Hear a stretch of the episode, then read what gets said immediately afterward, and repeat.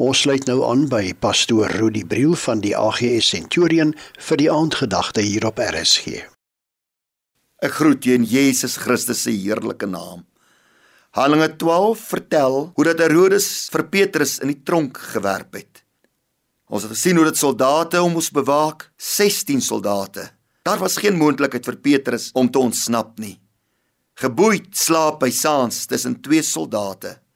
Daar het egter deur die gemeente 'n aanhoudende gebed vir Petrus opgegaan. En met een staan 'n engel van God by Petrus. 'n Lig skyn in die gevangenis en terwyl die engel vir Petrus wakker maak, val die boeye van self van Petrus af. Hulle het verby die wagte beweeg sonder dat een hulle bemerk.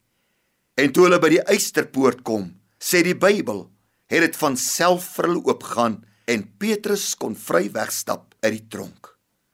Aanhoudende gebed het baie groot krag. Aanhoudende gebed produseer groot wonders. Elke soort boei moet soog voor aanhoudende gebed. Ja, boeie kom los. Boeie val af waar gelowiges volhardend bid. Eysterdeure sal van self oopgaan. Gebed breek deur die sterkste weerstand. Let wel, aanhoudende gebed Aanhoudende gebed breek deur enige versperring. Dit breek deur die dikste muur en deur die mees gepantserde eysterpoort. Is jy moeg gebid? Kry versterking. Roep ander op om saam met jou te bid.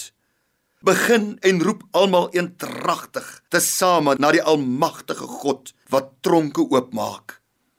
Wat se boeye hou jou vas? Waarin is jy vasgevang? Begin bid en sien daardie boeye afval. Is jy oorweldig deur die duisternis van gevangenskap? Hou jy net aan bid en God se lig gaan vir jou deurbreek. Staan jy voor 'n toegesluite tronkdeur?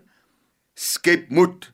Daardie selfde tronkdeur sal van self voor jou oopgaan. Kom ons bid nou saam. Almagtige God en Hemelse Vader, dankie dat U tronkdeure open. Dankie dat boeye afval. Dankie dat U optree as verlosser, Here. Nou sal ons nie moedeloos wees nie, maar Here, vol hoop en moed, kyk ons na U vir verlossing in Jesus naam. Amen.